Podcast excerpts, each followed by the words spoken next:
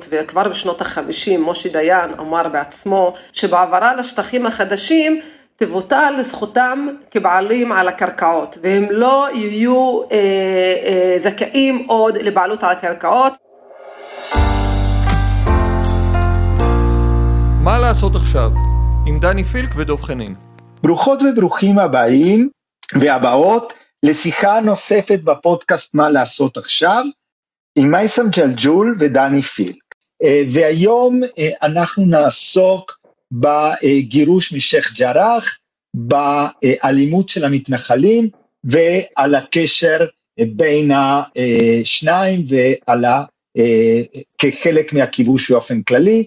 שלום מייסם ושלום לאורחת שלנו, שלום עדי. שלום דני. שלום דני ומייסם. והדיל.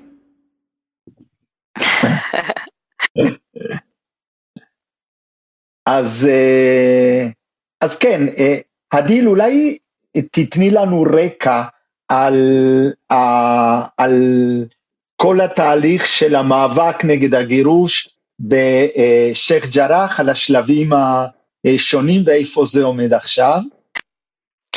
כן, אמ, אז ככה, כשאנחנו מדברות על השכונה, על שייח' ג'ראח, אה, השכונה יש כמה חלקים עם סיפורים שונים, זאת אומרת, כשאנחנו מדברים על 28 משפחות אה, שנמצאות במה שנקרא כרמל ג'עוני, אה, שזה בעצם איפה שהיו פינויים בעבר אה, של משפחות אה, של אה, משפחת אה, אל-ראווי ושל משפחת חנון, אה, אה, חנון, אלה, אלה 28 משפחות אה, שהן משפחות של פליטים, אה, שבזמנו בשנת 1956 כש, כשמזרח ירושלים היה חלק, אה, היה בשליטה ירדנית, אה, הם בעצם השתתפו בהגרלה, הגרלה שנעשתה על ידי ממשלת ירדן והאונר"א, והם זכו בהגרלה אה, על, על בתים, על יחידות דיור בשייח' ג'ראח, אה, כאשר בתמורה הם אה, מסרו בחזרה את הכרטיס פליט שלהם, שמעניק להם כמה הטבות של פליטים, ולפי החוזה, זה היה חוזה של שכירות, ולפי החוזה כתוב בו באופן מפורש בסעיף מספר 11, אני עדיין זוכרת אותו, שבעבור שלוש שנים, אם הסוחר אה, עומד בהתחייבויות שלו על פי החוזה, אז אוטומטית מועברת גם הבעלות אה, על הבתים אה, אה, למשפחות הפלסטיניות, אה, שזה אמור לקרות בעצם בשנת 1959, אבל אה, הייתה שם סחבת אה, מטעם דני ובין לבין אה, את המלחמה, הנקסה מה שנקרא, או מלחמת ששת הימים, זה תלוי בנרטיב. ו... ובעצם סופח החלק המזרחי של ירושלים לישראל, ולא לא היה שטר בעלות למשפחות. עכשיו לפי החוק, או בעצם בואו נעבור סיפורים אחרים, נגיד משפחת סלחי זה סיפור שונה, זה סיפור של משפחה, אני מדברת על המשפחה שגורשה לפני איזה שבועיים שלושה, כן, כן, אז משפחת סלח היא משפחה שבמקור אה, היא מעין כרם, אה, עין כרם אה, היום היא מנסה חלק במערב העיר שהתושבים שלו בכלל גורשו בנכבה ב-1948, אז הם גורשו בפעם הראשונה מעין כרם, הם עברו למזרח העיר. שם הם, הם רכשו אני לא יודעת לגבי מסמכים וזה, אבל לפחות שהמש... ממה שהמשפחה מספרת, היא רכשה את הבית ממשפחת חילו הפלסטינית אה, בשנות החמישים, ומאז הם מתגוררים בבית הזה, ו... ויש להם כזה קרקע מסביב וזה. עכשיו, בשלב מסוים עיריית ירושלים אה, הבחינה שיש אה, סכסוך בעלות על, ה... על הבית הזה, בין, בין בכלל בין גורמים פלסטיניים. אז היא נכנסה לתמונה ואמרה, טוב, אם יש סכסוך אז כנראה אין בעלות ולכן אנחנו נפקיע את הקרקע, כי זה, כי זה נפקד לפי החוק הישראלי, מפקיעים. הדיל, הבעיה אצל אה, עיריית ירושלים הייתה יותר חמורה, עיריית ירושלים טענה שלא היה בית, כאילו, והבית הזה הוקם בניגוד לחוק. שכל המסמכים ההיסטוריים מוכיחים ההפך, שהבית הזה היה קיים במפות הישנות אה, מלפני נכון. 67. אה, נכון, נכון, הוא היה של משפחה, משפחת סלחי, היא אומרת, אנחנו קנינו את המשפחה שהייתה פה, אה, שזה, שזה היה הבית שלה, הבית תמיד היה קיים. עכשיו, מה שכן, זה לא משנה, כי ב-67, כש, כשהיה כיבוש של מזרעית היה קיים, הוא עמד שם, המשפחה הייתה בו, אז, אז בעצם הבית הזה, או האדמה שעליה בנוי הבית, היא פשוט הופקעה על ידי ירושלים, וזה, וזה קרה מזמן, זה, קרה לפני, זה קרה לפני עשורים, והעירייה לא עשתה עם זה כלום, כי, כי, כי כי בעצם לא, לא הייתה לה שום עילה אה, לגירוש המשפחה, והיום היא מצאה עילה, בעצם אה, לפני כמה חודשים.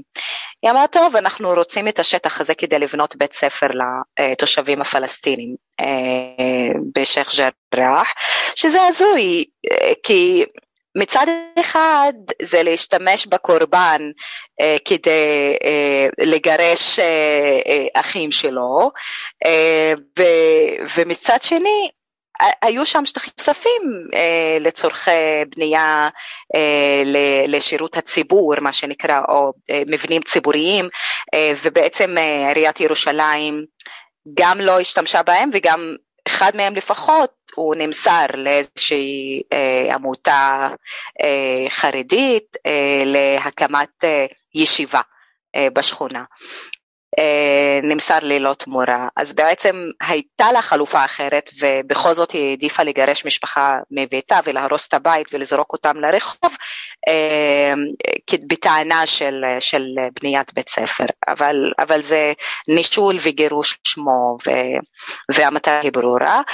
יש עוד סיפורים, עכשיו הסיפור הכי אקטואלי זה הסיפור של טלם.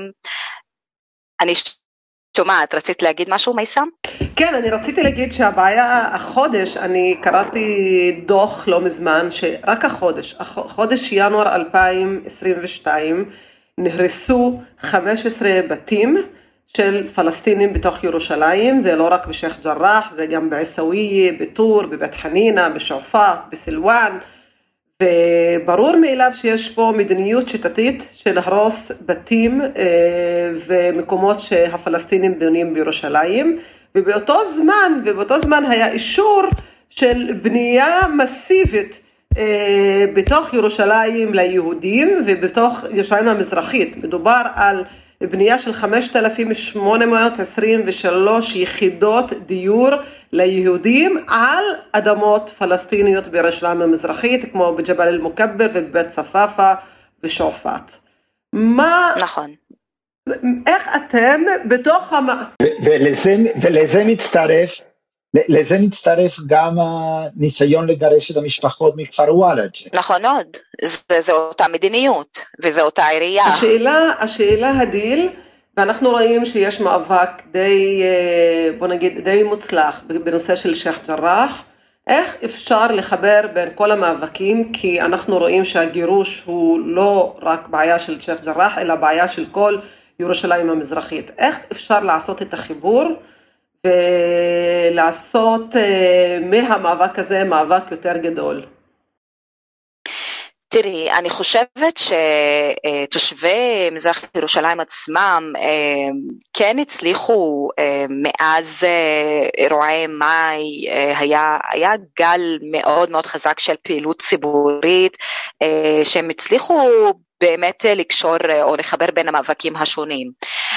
עכשיו, אבל מה שכן, בגלל שזה מאוד מאוד מסיבי, כל ההריסות, הגירושים, אה, אה, הרחבת ההתנחלויות היא מאוד מאוד מסיבית בצורה שקצת מקשה אה, על, על פעילים ועל התושבים עצמם להיות כל הזמן מסונכרנים ומתואמים ביניהם ולנהל מאבק אחד. ולכן מה שחסר אולי בעיניי, וזה משהו ש, אה, אה, שבתנועת עומדים ביחד נגיד אנחנו מנסים לעשות אותו, אה, זה ארגון אנשים זה, זה ארגון שהוא מחושב, ארגון שאנחנו לומדים אותו ו, ומנסים ליישם אותו בשטח. אבל היום, מאיך שאני מסתכלת ורואה את המאבק, אגב, אני מברכת על, ה, על המאבק הזה, ואני לא רוצה להשתמע כאילו אני מבקרת עכשיו, אבל מה שכן, אני כן חושבת שחסר אה, קצת ארגון אה, של המאבק הזה, אה, למרות ששוב, מה שהוא מצליח לעשות זה דבר נפלא, כי מצד אחד יש מאבק שהוא אה, מאבק של יהודים ופלסטינים, ישראלים ופלסטינים שנאבקים ביחד אה, אה, נגד הגירוש, ואגב, לכל אחד יש, יש את השיקולים שלו ויש את, את, את הדברים שמניעים אותו בצורה סובייקטיבית, לא בהכרח כולם מונעים מאותם שיקולים. או, או, או מאותו מקור, אבל אבל זה דבר טוב שאנשים יוצאים ועדיין יש להם תקווה שהדבר הזה ייפק, מצד שני, אה, זה, זה עדיין נחשב כפעולות אה, תגובתיות אה, שבטווח הארוך אני לא יודעת עד מתי הם ישרדו, זאת אומרת, ומה, ומה תהיה ההשפעה שלהם על המדיניות. לכן בעיניי המפתח הוא באמת לנסות ולארגן את, ה, את האנשים, את הפעילים למאבק בצורה שהיא יותר, יותר יזומה ויותר מסודרת מבחינת ניהול המאבק. אני לא יודעת אם הצלחתי לענות על השאלה שלך, מייסם. אני חושבת שכן, שהצלחת לענות, ואני מסכימה מאוד איתך, חדיל, שאנחנו לא צריכים להסתפק רק בתגובה, צריך אה, פעולות יזומות אה, על מנת אה, להיאבק, כי מדובר כאן לא במקרים ספציפיים, מדובר כאן במדיניות, והמאבק צריך להיות נגד המדיניות. המדיניות ברורה לכולנו לדעתי, המדיניות היא כמה שפחות פלסטינים בירושלים המזרחית. זה המדיניות, לנצל אגב, את... אני... כן, הדיל. אני רק רוצה להוסיף שזו גם מדיניות של הממשלה, אה, זאת אומרת, אה, אה, ממשלת שינוי, טוב, זה, זה, זו בדיחה בעיניי, אבל נניח שזו ממשלת שינוי. בינתיים אנחנו רואים שינוי לרעה, זאת אומרת, זה לא רק ב... זה לא רק בנושא כיבוש, זה בכל מיני נושאים, גם חברתיים וכלכליים, אבל זה לא ענייננו, אבל בנושא של הכיבוש ספציפית, כאשר יאיר לפיד נגיד, יאיר לפיד יוצא ואומר בממשלת שינוי לא ננהל משא ומתן עם הפלסטינים. מצד, מצד שני אנחנו רואים את גנץ מארח את אבו מאזן. עכשיו לא ברור לאן הממשלה הזו הולכת, ומצד שלישי אנחנו מסתכלים על השטח ואנחנו רואים בדיוק העמק של הכיבוש ו, והרחבת היקף הגירוש וההתנחלות ועיריית ירושלים, אני, אני, אני תוהה איך נציגים, נבחרי ציבור בעיריית ירושלים הם בעצמם פעילי התנחלות. זה דבר ש... אני, אני לא מדמיינת אותו באף מקום אחר בעולם. אה, מה שאמרת מייסם זה נכון לגבי מספר ההריסות שהיו במזרח ירושלים בחודש ינואר, זו רק חודש ראשון של השנה וזה גם החודש הכי קר בשנה ועדיין 15 משפחות נזרקו לרחוב. משפחת סלם יש החלטה מלפני יומיים אה, של ההוצאה לפועל, אה, לפיה ניתן צו אה, פינוי גמיש למשטרה, זאת אומרת המשטרה לא צריכה לתאם מועד לגירוש, היא יכולה להגיע בכל עת במהלך חודש מרץ ולבצע את הגירוש. וזה, וזה בית שמי שרכש אותו ממשפחה אה, יהודית שהייתה אה, בעלת הבית לפני, אה, לפני 48 הוא יונתן יוסף שהוא חבר מועצה בעיריית ירושלים, כן? עכשיו עצם זה שיש שני חוקים שאחד מאפשר ליהודים להחזיר לבעלותם או להחזקתם, לחזקתם בתים שהיו, שהיו בבעלותם לפני 48, אבל מונע את אותה זכות מהפלסטינים, זה בעצמו, אני, אני חושבת שכשהחוק מפלה אז אין מה לדבר על דמוקרטיה, זה, זה נקודה כאילו זה, זה משהו שלא מתיישב, לא עולה בקנה אחד עם, עם, עם ערכי הדמוקרטיה. תודה הדיל, ואני הייתי רוצה גם להעלות נושא אחר שמתקשר לסוגיית הכיבוש והיא מרכזית בימים האחרונים וזה אלימות מתנחלים. שבעצם זה עוד אחד מהפנים של, ה, של הכיבוש, כי זה לא רק אלימות מתנחלים, זה אלימות המתנחלים ללא מעורבות, ללא ניסיון או בהסכמה שבשקט של הגורמים שאמורים להיות גורמי אכיפה. כן דני, אני חושבת שזה אפילו יותר גרוע מזה, זה לא עניין של שתיקה או לאפשר, אני חושבת שזה המנגנון של הכיבוש. המתנחלים הם לא עובדים בשטח ריק, המתנחלים עושים את הפעילויות האלה בגיבוי הצבא ובגיבוי החיילים שבדרך כלל מגינים עליהם. מגינים, הם תוקפים, איזה אבסורד, הם תוקפים אבל גם הם זוכים להגנה באותו זמן. ובסופו של דבר זה, אני, אני לא חושבת, כאילו, לצייר את מה שקורה כאלימות מתנחלים, לדעתי חוטא למטרה.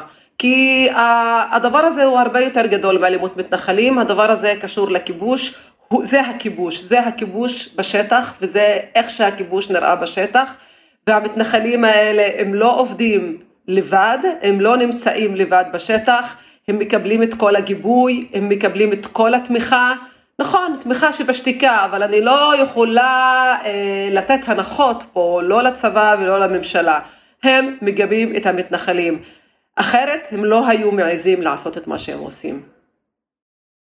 אני מאוד מסכימה עם מייסם, אה, אני, אני מאוד מסכימה עם מייסם, אני חושבת שהמאכלים אולי הם חלק מהבעיה, אבל היא אה, כולה, זאת אומרת, אה, כש, כשלפני יום יומיים, אני כבר לא זוכרת מתי, היה איזה דיון על אלימות מתנחלים, עומר בר לב וכוכבי הרמטכ"ל כזה מתווכחים ביניהם על מי האחריות אה, אה, להעמיד פורעים יהודים מהמתנחלים לדין ואז כזה רבים ביניהם למי, למי ניתנות הסמכויות, מי אחראי על זה וכוכבי אומר אבל אנחנו לא יכולים, אין לנו, אין לנו את הסמכות, החיילים שלנו נמצאים שם אבל הם לא יכולים לאכוף, כאילו זה סבבה ש, שחיילים נמצאים בשטח ורואים uh, מתנחלים תוקפים uh, פלסטינים ושורפים שדות ולא עושים עם זה כלום. עכשיו אני, אני גם חושבת יותר מזה, אני חושבת שזה לא בגלל uh, סמכויות. לא, גם זה לא נכון, כי, כי, אם היו, כי אם היו פלסטינים הצבא כן היה מתערב, זאת אומרת הטענה הזאת היא טענה מאוד נכון, מאוד בעייתית, אבל... זו טענה שבנויה על ההפרדה הקיימת בין יהודים ופלסטינים בשטחים, שהיא, שהיא אה, תולדה של הכיבוש והיא מחזיקה אותו. זה נכון, זה, זה כי, כי הרי למשטרה, למשטרת ישראל אין, אה, אין אה, סמכויות על, על, על האוכלוסייה הפלסטינית בשטחים הכבושים בגדה המערבית. אז בעצם אם, אם למשטרה אין סמכויות ואם לצבא אין סמכויות, כאילו אוקיי, אז מי, אז מי, סליחה, התכוונתי למתנחלים, אז מי, אז מי עושה את זה? כאילו, מי, מי אוכף או מי מעניש או זה. עכשיו זה לא העניין, אני לא חושבת שזו הפואנטה. גם לא מעניין אותי למי הסמכויות. בסופו של דבר אני יודעת שגם אם יש סמכויות והן מאוד ברורות, וגם אם יש נהלים והם מאוד ברורים, אני חושבת ש... שהמתנחלים והצבא והמדינה, הממסד כולו, הם עובדים יד ביד, זאת אומרת, הם, הם עובדים יד ביד כדי לשרת מטרה אחת, וזו המטרה לשמר את הכיבוש, ואם אפשר רק להעמיק אותו עוד יותר. אז, נכון. אז, אז כל השיח היום סביב אלימות המתנחלים הוא שיח שלא בא לפתור את הבעיה העיקרית. הוא לא בא לפתור את, את בעיית הכיבוש, את בעיית ההתנחלות בכלל, כאילו. אלא אם, אלא אם כן הדיל עושים מה שאת עשית עכשיו, מראים שאלימות מתנחלים זה לא איזה תופעה חריגה, אלא הוא חלק אינטגרלי ממנגנון הכיבוש. לגמרי, אני חושבת שזה משהו ש... כאילו, אני, אני מקבלת את הדברים כמובנים מאליהם, כי, אני, כי בעיניי זה מאוד uh, ברור מאליו שזה... שזה חלק מה, שזה לא הכל, שהבעיה שלי היא לא האלימות של המתנחלים, אלא הנוכחות של המתנחלים בשטחים הכבושים, זאת הבעיה שלי. עכשיו, נכון. זה טוב, ל... אני חושבת ש... ההתנחלויות בעצמן בדיוק, הם הקטעים. עכשיו, אני גם, תראה, אני גם לא רוצה לפגוע במאבק הזה. בעיניי כל מאבק שבא להתנגד בצורה כלשהי לכיבוש, גם אם הוא לא דורש אה, את הדרישה שאני חושבת שהיא צריכה להיות אה, הדרישה המרכזית שלו, זה דבר שחשוב, כי זה מעלה את הנושא לשיח הציבורי. אה, אני, אני, אני חייבת להגיד ש... הדיבור על אלימות מתנחלים למרות שהוא לא קולע על המטרה בעיניי הוא עדיין משרת את המאבק נגד הכיבוש כי אם לפני זה אנשים פחדו להגיד את המילה כיבוש אז היום הם אומרים אותה. אה, היום יש דוחות, אה, נגיד היום פורסם דוח של אמנסטי על אפרטהייד בישראל ואני, ואני, ופורסם לפני זה גם דוח של בצלם ודוח של, של Human Rights Watch אני חושבת שאם לא היינו כל הזמן מדברים על כיבוש, הדברים האלה לא היו קורים, זאת אומרת, זה היה מתמסמס וזה לא היה בשיח. עכשיו זה שהכיבוש היום בשיח ותופס מקום מאוד מרכזי בשיח הציבורי, אני חושבת שזה באמת בזכות מאבקים שלפעמים נראים לנו קטנים וסותרים, אבל בסופו של דבר זה משהו שמצטבר לכוח אה, ולהשפעה. זה מאבק מאוד מאוד מורכב, כי זה והדיל... מאבק שהוא קשה, קשה להשיג בו דברים. נכון, אה, אני מסכימה איתך לחלוטין, ואני חושבת, אני גם מסכימה איתך שכל פעולה היא פעולה חשובה, אבל גם אי אפשר לא לראות את התמונה היותר שלמה, שהמדיניות הזו היא לא רק מדיניות בשטחים, ועוד מעט אנחנו גם נראיין אה, את, אה, את מג'ד בנושא הזה, בנושא של הנגב. אני, אני חושבת שכל מה שקורה בשטחים הכבושים בגדה המערבית וכל הנישול קרקע ונישול אדמה ומה שקורה בירושלים המזרחית הוא אותו קו של מדיניות שהתחיל, התחיל בתוך מדינת ישראל והוא פשוט מועתק, הועתק אחרי 67 לגדה המערבית ו, ו, ולשטחים הכבושים.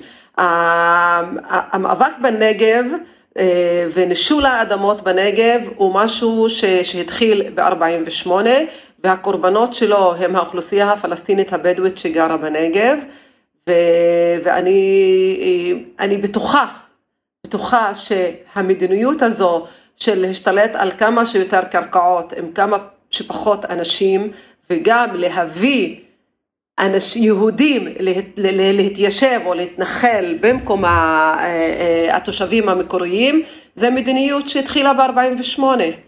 ו...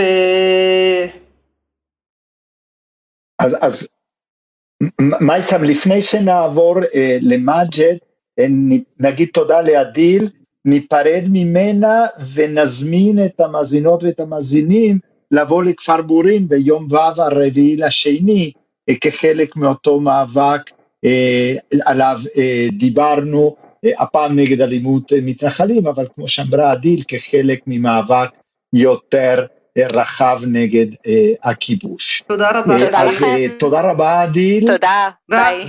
ואת מוזמנת להישאר איתנו. אוקיי. ושלום רב למג'ד אל-קמאלה.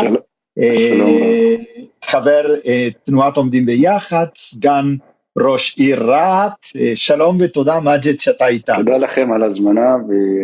מג'ד, אתה, אני חושב, אתה האזנת לחלק מהשיחה עם הדיל. אני, אני, כן, כן, אני האזנתי לרוב השיחה. כן, ואני, ואני, ואני זהו, אני, אני חושבת שיש קו מאוד מאוד הדוק ומקשר בין מה שקורה בשייח' ג'ראח ובשאר השכונות של ירושלים המזרחית. וגם מה שקורה אה, בבורין ובעוד מקומות בגדה המערבית לבין מה שקורה בנגב. האם אתה מסכים איתי ואתה מוזמן להרחיב על הנושא? קודם כל מה שקורה בנגב, מה שקורה בשייח' ג'ראח וכל מה שקורה במקום אחר, אני חושב, אני מסכים עם השיחה והקשבתי והאזנתי לעדיל, אני חושב, הסיפור פה זה הכיבוש, צריך לקרוא לילד בשם שלו. אני חושב אנחנו, החברה הערבית בארץ, לא משנה איפה, עוברת אה, אה, בשנים האחרונות, או בכלל מאז קום המדינה, אבל אנחנו מרגישים את זה ממש בשנים האחרונות, עוברת אה, אה, לחצים ועוברת אה, מסע השמצה, אני חושב, אה, זה מדיניות מכוונת כלפי האוכלוסייה הערבית בכלל, אנחנו מרגישים את זה בחברה הבדואית בשנה, שנתיים האחרונות, במיוחד בשנה האחרונה.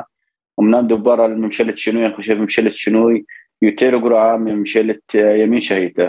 לפחות ממשלת ימין, היא מוצגת כממשלת ימין, ואז הם uh, לוקחים בערבון שהעיניים פקוחות אליהם, אבל uh, הממשלה הזאת לצערי, תחת המטריה של שינוי, היא עושה מה שבא לה. אני חושב החברה הערבית, החברה הבדואית בנגב בשנה האחרונה, אולי נהרסו בתים בש, בשניים מאשר נהרסו בתקופת הממשלה של נתניהו.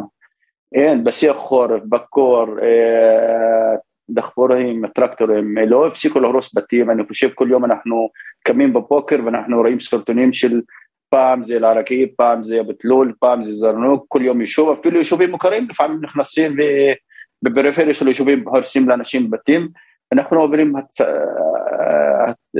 ממש אנחנו חברה בדואית, אנחנו עוברים אה, תהליך, אני אומרים, מסע של השמצה והסתה מכוונת שהמטרה שלה לנשל את האנשים מהאדמה שלהם והם מציגים אותנו כאילו שאנחנו בדואים, חברה פרפרית, חברה שמשתלטת על האדמה של המדינה וזה לא נכון, והם יודעים את זה לא נכון, אבל uh, התקשורת לצערי בשביל, בגלל, הרין, כדי, בגלל, כדי לקבל רייטינג היא מגבה את זה ואפילו uh, מש, משביצים יותר, ולכן אני חושב, uh, uh, אני חושב המאבק הוא צריך להיות מאבק כוללני, אם זה בשייח' ג'ראח, אם זה בנגב, אני חושב אנחנו, אנחנו מחכים לתקופה עוד עוד יותר, תקופה עוד יותר קשה, אני חושב, אם הממשלה הזאת תמשיך, יהיה גרוע, מצד יש לנו את המרגיע הלאומי שזה רע"מ ומנסור עבאס והחבר'ה שלו שבאים למבטיחים לאנשים הבטחות, נותנים לאנשים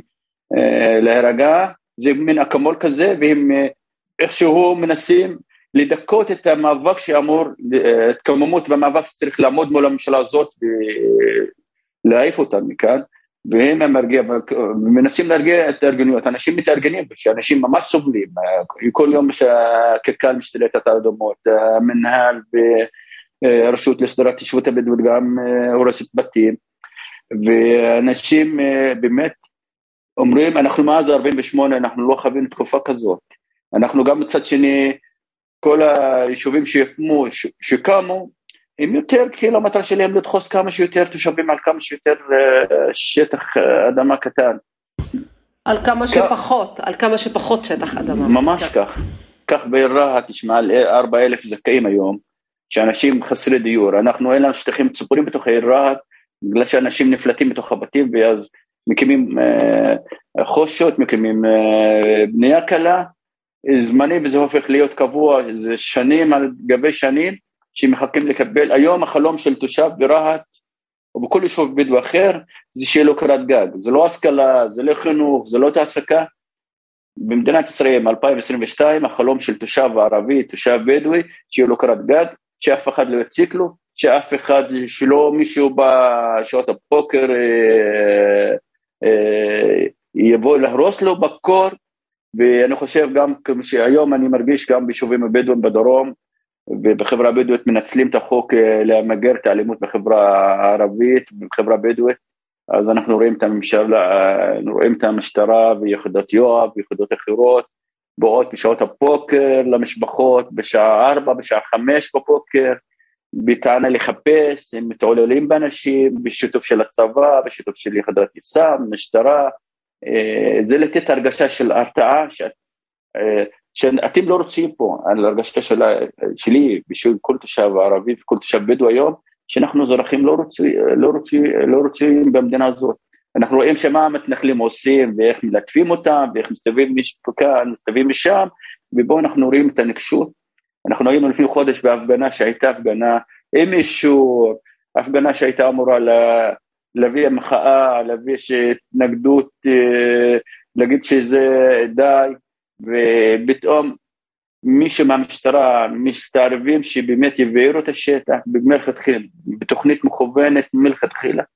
ואני חושב אנחנו מאוד סובלים ואני חושב אנחנו הרי הבדואים פעם היו האדומות של הבדואים גרים מאילת עד לרחובות הבדואים היו גרים היו גרים כמעט על 80% מהשטח של הנגב היום גרים המאבק כל המאבק של הבדואים על 2.5 אחוז מקסימום 3 אחוז מהאדמה כולם ריכזו באזור משולש הסייג שזה שוקת ערד אה, באר שבע דימונה זה, זה באזור הזה ולכן כולם נמצאים פה באנשים יש להם, אה, הם מבקשים רק לתת להם לגור בשלווה, בשקט באדמות שלהם. אנשים, יש להם תביעת אדמה על האדמה שלהם, יש אנשים שבאמת זו האדמה שלהם ולא עשו טאבה בתקופה של המשטר העות'מאני בגלל שלא פחדו אם יעשו טאבו ואז אנשים אחר כך ידעו כמה ילדים להם ואז יגייסו אותם למשטר העות'מאני ואחר כך גם הם צריכים לשלם אה, מיסים על זה ולכן אנשים אמרו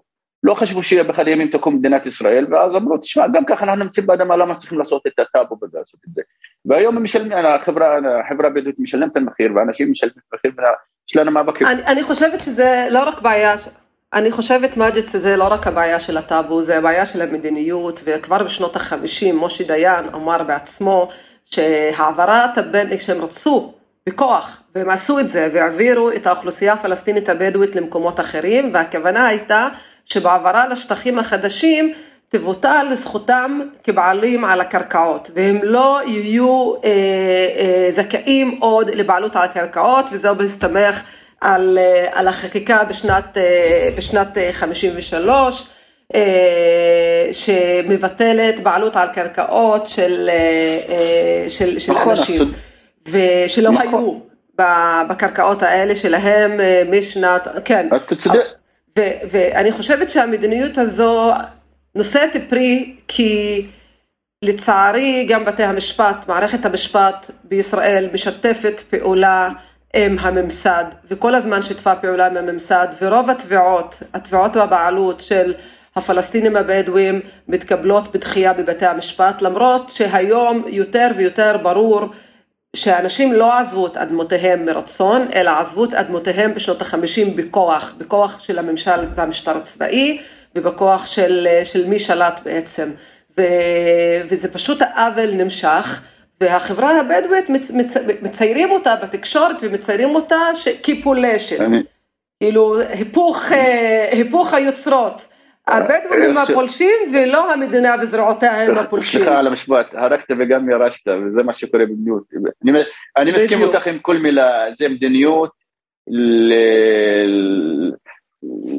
להשתלט על, על אדמות של הבדואים הם, את צדקת בכל מילה שאמרת עכשיו, הם אה, חיו תחת משטר צבאי עד 65, ואני חושב היו פה לפני קום המדינה מעל 110 אלף בדואים, נשארו רק 10 אלף, שבאמת חיו תחת משטר צבאי והיו המון הצוקות ל-10 אלף אלה, אבל עם הזמן הם כל כך אה, צמחו והתרבו עד שהגענו היום ל-300 אלף אה, בדואים בנגב, והמדינה היום יש לה בעיה, גם סילקנו אותם, שחלק הלך לסיני, חלק לירדן, חלק לרפיח וזה, ועדיין מתרבים ועדיין מה, מה ניתן לעשות איתם, ואז עכשיו אנחנו רואים הסתה מכוונת כדי באמת אה, להיכנס בחברה הבדואית אה, וכדי להרתיע אותה, ויש להם, אה, למרות שהחברה עושה את המקסימום להיות חלק מהמדינה, חלק מהחברה הישראלית, חלק מהנוף הפריפריה, חלק מהנוף של החברה הישראלית, הם רוצים להיטמע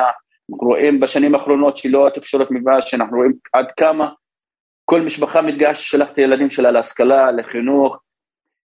סטודנט בדואי עולה למשפחה פי ארבע ממשפחה יהודית בגלל שהוא צריך ללמוד בחו"ל, צריך ללמוד באוניברסיטה האמריקאית בג'נין, צריך ללמוד בירדן, במדינות אלה. בסופו של דבר כולם חוזרים, עושים את המבחן של המדינה, מתקבלים, פוגשים אותם בסורוקה, פוגשים אותם בברזילי, באיכילוב, אה, בכל המוסדות אנחנו רואים אותם, באוניברסיטות, ולכן אה, זה אומר שהחברה כמה שהיא מנסה להשתנות, אבל החברה גם כן, היא לבד יכולה לעשות השינוי, היא גם צריכה שינוי, צריך לבוא מלמטה וגם מלמעלה, והמדינה צריכה לשנות את המדיניות שלה. המדיניות אני חושב לא מתאימה, והדור הצעיר היום, כשמדברים בדור הצעיר היום, הוא שונה מהדור שלנו, מהדור של ההורים שלנו, הדור הצעיר הזה תובע את הזכויות שלו, הדור הזה הוא לא מפחד יותר, אנחנו רואים במה שקרה במאי ועכשיו מה שקרה בתקופה האחרונה, כולם ילדים בגיל 12 עד גיל 17, שאומרים, תשמע, אין לי מה להפסיד יותר, או שאני מקבל את הזכויות שלי בכבוד ומתייחסים אליי ונותנים את הזכויות שלי, או שאני אני נאבק על הזכויות שלי בכוח, ולכן אנחנו רואים מה שקורה בחברה הבדואית זה פצצה מתקתקת, אם המדינה לא תשנה את המדיניות שלה, זה יתפוצץ לכולנו בפנים, ואני חושב, אין משפחה בדואית, אין הורה בדואי שלא רוצה לראות את הילדים שלו, אה, שרוצה לראות את העתיד הזוהר שלהם, רוצה לראות אותם להשתלב, רוצה לראות אותם שיש להם תעסוקה, שיש להם השכלה, שיש להם חינוך, אבל אי אפשר כל הזמן להשמיץ.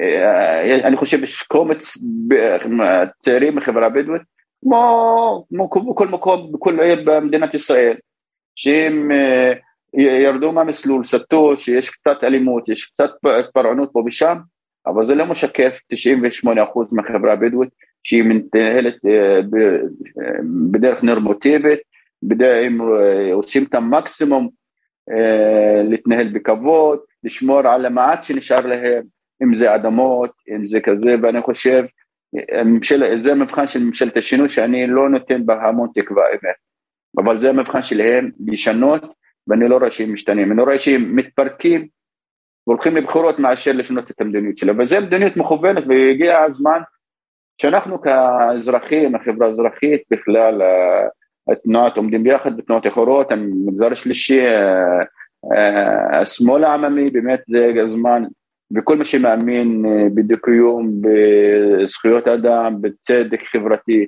זה הזמן שאנחנו צריכים באמת לקחת אחריות, להתקומם ביחד, אני מאמין, יש מקום, אני מאמין שאנחנו יהודים וערבים ביחד צריכים להתקומם למה שקורה, למדינות של המדינה ומה שקורה בארץ בכלל, ואנחנו להגיד, אנחנו צריכים להגיד שאפשר אחרת, אפשר אחרת באמת שכל אזרח במדינה יחיה בזכות, בכבוד, אה, הדדי, הגיע הזמן גם לסיים את הכיבוש, הרי הכל טמון, הכל, אה, אם הכיבוש לא יסתיים גם אנחנו נשאר עם הבועה הזאת, עם אה, הנושא הזה, ואני חושב הכל קשור ביחד, הנושא של כיבוש, הנושא של צדק חברתי, הנושא של מאבק צודק, בכל חברה, לא משנה אם זה בגבעת עמל בתל אביב, אם זה בחברה הערבית, אם זה חברה חרדית, הגיע הזמן להיאבק לזכויותיהם של האזרחים ולהוביל שינוי מאוד משמעותי.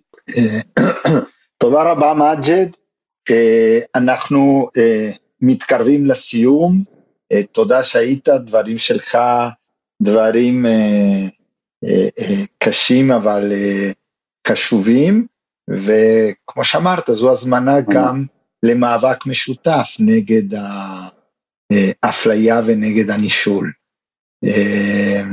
תודה לכם. אז אה, אה, שוב תודה לאדיל, תודה למג'ד שהיו איתנו, אה, ומייסם. תודה, תודה, תודה רבה להדיל ותודה למג'ד, ואני חושבת שזו הייתה שיחה מאוד מאוד חשובה.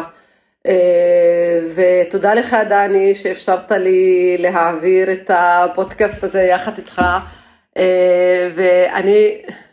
לכבוד לי, לכבוד לי שאת מצטרפת ל... ל... לקבוצה של הפודקאסט, ממש אה, אני מאוד מאוד שמח ואני בטוח שגם המאזינות והמאזינים ייהנו ממך. ואני רוצה להודות גם לכל החברות והחברים מרוזה מדיה אה, על אה, כל העשייה ונתראה בפודקאסט הבא. אז להתראות ותודה רבה. מה לעשות עכשיו עם דני פילק ודב חנין